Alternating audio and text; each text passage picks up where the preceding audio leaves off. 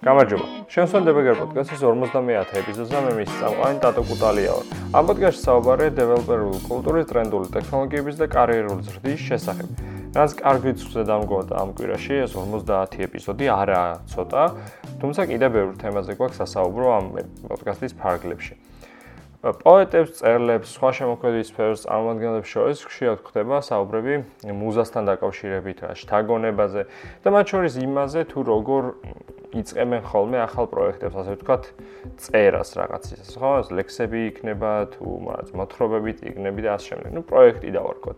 შეიძლება ეს იყოს წინასწარ დაგეგმილი ჩონჩხი, გეგმა, რომელსაც ხორცი უნდა შეესხას საომავლოდ, ან პირიქით სრულიად დაუგეგმავად ქაოტური და აი გზადაგზა დაალაგება, რო ჭირდება ამ პაზლის ნაწილებს ისე, ხო? და სრულიად ეს პროცესი, შექმნის პროცესი, რაღაცის გამოძერწვის პროცესი არის შეიძლება ძალიან ქაოტური ერთი შეხედვით, ხო? თუმცა აქედან ფაქტი ერთია, რომ რამდენი ადამიანიც არსებობს და რამდენი ადამიანიც არსებობს დედამიწაზე, იმდენარი შეხედულება და მოსაზრება იქნება ამ თემაზე და ყველას თავისი საკუთარი მეთოდიკა აქვს თავის თავზე მორგებული, რომ თვითონ იყოს ამ დროს კომფორტის ზონაში. მოდი განავინცლოთ ახლა ჩვენს რაც მიკრო სამყაროში, ჩვენს იმ კუთხეში, სადაც ნერდული, გიქური მოწადინებით ვიწყებთ პროექტების და კოდის წერას. იდეურად არაფერი განსხვავება არ არის იმ მოდელსა და ჩვენს მიერ შეჩეულ ტექნიკას შორის, აი საერთოდ არნაირი, ჩვენთან ხდება სრული სპექტრი რაც ხალხი, ვისაც ურჩევნია ჯერ გამართოს არქიტექტურა, ჩამოწეროს ყველა სტრუქტურა და მეორე, ვინც მონახას აკეთებს ჯერ იწევს ხოლმე ფსევდოკოდით და აი გზასში ცდილობს უკვე თლიანი მანქანის შექმნას და თლიანი იდეის რეალიზაციას.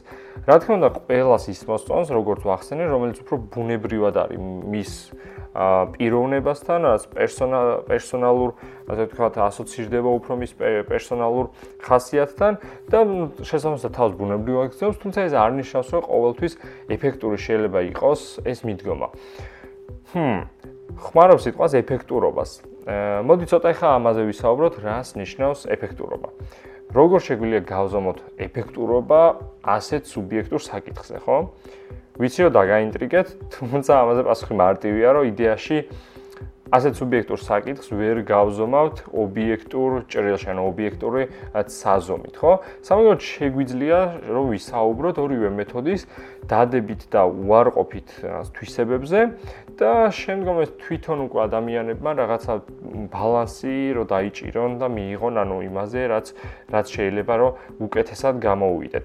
მაგალითისთვის თუ თქვენ უკვე რაღაცას აკეთებთ ხო რომელიმე მეთოდით, არ ნიშნავს, რომ სიცოცხლის ბოლომდე დაწერილი გაქვთ, რომ ასე უნდა აკეთოთ. ამ პირიქით არ ნიშნავს, რომ მაგაზე უკეთესი არ იარსებობს. მაგრამ რაღაცა გაუმჯობესების ფარგლები თითოეულს აქვს, სადაც შეიძლება რომ უფრო მეტად ანუ დისციპლინირებულად გაზარდო შენი ეფექტურობა. მაგალითად, თუ ეხა მოგწონს რომ რაღაც ქაოტური იყო, მაგრამ ამავდროულად გრძნობა, აი ხვდები რომ სადღაც უფრო მეტ დროს ხარჯავ ან კარგავ რაღაცაში, შეიძლება აითვისო ისეთი მეთოდები ან დახვეწო შენი უკვე არსებული მეთოდი, სადაც ნაკლები დრო გაგეფლანგება და ეს დაზოგილი დრო მოხმარდება, რომ უფრო კარგი და მოწესრიგებული კოდი დაწერო. იდეაში კოდი, თორე რაც გინდათ იყოს, იგი კოდი იყოს, გინდა ვიცი.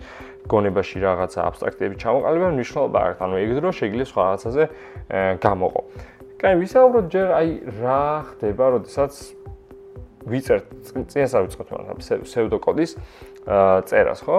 ანუ პირველი ერთი არის, რომ ძალიან გვეხმარება ამ წინასწარ ალგორითმების მოხაზვაში და შემდგომ ნელ-ნელა განვითარებაში, იტერაციული პროცესია ძალიან და ხვდებით, რომ ის საიდან სად მოვედით და ბევრი ადამიანის გონება ისეა მოწყობილი, რომ მისთვის სწორედ ეს არის ანუ აზროვნების მოდელი, ის მოდელი თუ როგორ უნდა ამოხსნას რაღაცა კონკრეტული ამოცანა. მეორე მხრივ არის რომ ადამიანები, რომლებიც ზიან, ჯერ ყველაფერს შეუძლიათ რომ დაგეგმონ და ფურცალზე მონახაზი გააკეთონ, როგორ შეიძლება იყოს, ანუ ეს ეს კომპონენტები რას უნდა ეკუთვნოდეს, ამის აბსტრაქცია როგორი იყოს და ასე შემდეგ. ამის მინუსი არის, რომ ძალიან ასტრალში გადიხარ ხოლმე და შეიძლება რეალობასთან მოჭიდება დაკარგო, ან იმდენად დიდი დრო დახარჯო ამის კეთებაში, რომ სუსუსუ თავიდან აი საიდან ჯელობა დაიწყე, აი ის ნაწილები უკვე გეკარგებოდეს გონებაში, რადგანაც ვიცით, რომ ანუ ადამიანის მონაცემები საკმაოდ შეზღუდულია, ასე რომ ვთქვათ, ოპერატიული მეხსიერება, ანუ ეს მახსოვრობა შეზღუდულია, ხო? ანუ არ შეგვიძლია დიდი ხანი გავიჩეროთ სტრაფი აზროვნების ფაზაში ეს ეს ჩვენ რაღაც მონაცემები ჩვენს გონებაში, ამიტომ აუცილებელია რომ სადღაც ჩამოვწეროთ, ხო? ეს ეხლა დაგანახეთ ორი უკიდურესობა, ანუ ფსევდოკოდი და თან თლიანად ყველაფრის აბსტრაქციების აგებამდე, თუმცა რეალურად რეალობაში სოფლიოში, ხო? დედამიწაზე ხალხი არსებობს მათ შორის სრულ სპექტრზე. ანუ არ არის რომ მხოლოდ ერთ მხარეს იხრებოდეს, ან მეორე მხარეს, ხო? ანუ ხდება მთლიან სპექტრზე. უბრალოდ ყველაზე ყველაზე ეფექტური ამ შემთხვევაში რაც შეიძლება ვიფიქროთ, ობიექტურად ეფექტური, ხო? ამათ შორის არის ბალანსი. რომ დავიჭიროთ ბალანსი ამ დადებითი და უარყოფითი თვისებების გათვალისწინებით, ხო? რაღაც მომენტში დავიწყოთ ჩამოწერა იმ რაღაც მინიშნებების, რომელიც გაგვიყვანს, ანუ არ დაგვავიწყდება რას ვაკეთებთ, მაგრამ მეორე მხრივ დავიწყოთ უშუალოდ კოდის წერა, რადგანაც არის ადამიანები, ვისაც წერის დროს მუზა მოუვათ, ანუ ასე ვთქვათ, რაც იდეები შთაგონება მოგივიდეს და შეძლო უკვე გაგრძელება და აყვერაც რიტმს. ანუ ეს უფრო ჩვენ, ანუ უფრო გლეხურ ენაზე რომ შემოვიტანოთ, თავიდან როცა დაქოქავ, მე ინერციით, რიტმით გაყვები პროცესს და არ იქნება ის, რომ თავიდანვე პირველივე ასე დიდი დაჯახება გჭირდებოდეს და შემდგომ იწყებდე მოძრაობას. ამავდროულად გააჩნია რაზე მუშაობ. ეს იქნება მხოლოდ რაღაც ალგორითმების ნაწილი თუ რაიმე ბიბლიოთეკაზე, SDK-ზე, framework-ზე, ხო? ანუ ამასაც ძალიან დიდი განსხვავება, იმიტომ რომ იძლევა თავისუფლებას და ფუფუნებას, ანუ კომფორტს, თუ როგორ შეგიძლია მოაწყო ზოგადად შენი პროექტი. ახლა თუ მუშაობ დიდ SDK-ზე, framework-ზე, ანუ უფრო მეტი დროის დახარჯვა შეიძლება დაგჭირდეს მაღალი დონის აბსტრაქციების მოსაფიქრებლად და შემდგომ, ანუ შეგიძლია ეს trade-off-ი გააკეთო და შემდგომ დაიწყო წერა, თუმცა, ანუ ალგორიტმ, ანუ ალგორითმების შემთხვევაში პირიქით, ხო? რაღაც მომენტში იფიქრებ, უბრალოდ მე გადადიხარ უშუალოდ ტესტ წერაზე, ტესტირებაზე და შემდეგ. თუმცა რა თქმა უნდა, აქ შეიძლება ვწდებოდე, იმიტომ რომ საკმარისი მონაცემები არ მაქვს იმ ადამიანებზე, რომლებიც ხანერად, ვთქვათ, მუშაობენ, ანუ მხოლოდ ვიცი ჩემზე, ჩემს ირგვლივ რამოდენიმე ადამიანზე დაკვირვებით და სწორედ აქედან გავამაქვს ამ უკანასკნელზე დასკვნა.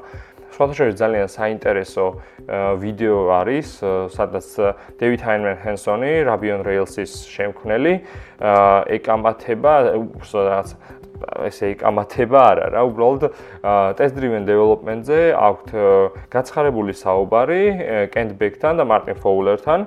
ადრე საუბრობდი ამ პოდკასტში ამ ამ ვიდეოების შესახებ ძალიან საინტერესოა დავლინკავ თუ უყურებთ იქ ახსენა DHH-მა ასე უწოდებენ David Heinemann Hansons რომ ჩემი პროფესიიდან გამომდინარეო მე რაზეც მუშაობ რა პროექტებს გამომდინარეო test driven development-ი არ არის ეფექტური გზა ვაკეთო საქმე რადგანაც პირიქით უფრო მანელებსო წერიზოს არ ვიცი არ ვიციო რას ვაკეთებ და რას დავწერ ცოტა ხანში უფრო და ანუ ჭირდება რომ უფრო ბევრი ვიექსპერიმენტო, მუდმივად უწერო და რაც არ გამომადგებაო, მალე მივხვდე ამას, გადავაგდო და დავიწყო ახალი რაღაცის წერაო.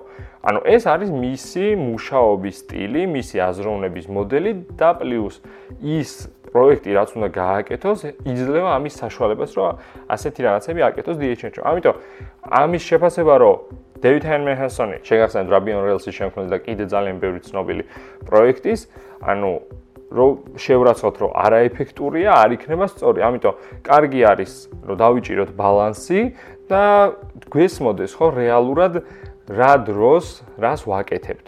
ანუ ერთხელ მაინც კარიერაში ალბათ დაგჭირდება ამ რაღაც ჩვენი მეთოდების კითხვის ნიშნებს დააყენება და შემდგომ გადააზრება თუ თუ არის ჩვენივე თავზე მორგებული ეს პროცესები და თუ არ არის რაღაცეები იქნებ გადავაკეთოთ, ხო? დღესთვის სულ ეს იყო. საუბრობდით, რომ არსებობს ხალხი, ვინც სხვადასხვანაირი მეთოდებით უდგება პროექტებს. რეალურად არც ერთი არ არის აქედან ცუდი და კარგი რომელიმეზე. უბრალოდ შეგიძლიათ რომ გადაათამაშოთ, დაიჭიროთ ბალანსი, თქვენ თვითონვე დააყენეთ თქვენივე პროცესები კითხვის ნიშნის ქვეშ, რომ თქვენივე თქვენივე თავზე უკეთ არავის არ იცოდება, რომელი არის თქვენთვის უფრო კომფორტული და ცადოთ სხვადასხვა მიდგომები. სულ ეს იყო. თქო რომ შეფასება დატოვოთ Apple Podcast-ზე, რადგან სხვებსაც დაეხმარება მარტივად იპოვნეთ ეს პოდკასტი, ვთქვათ, related სიაში ამ პოდკასტის. მომავალ შეხვედრამდე, მადლობა ყურადღებისთვის.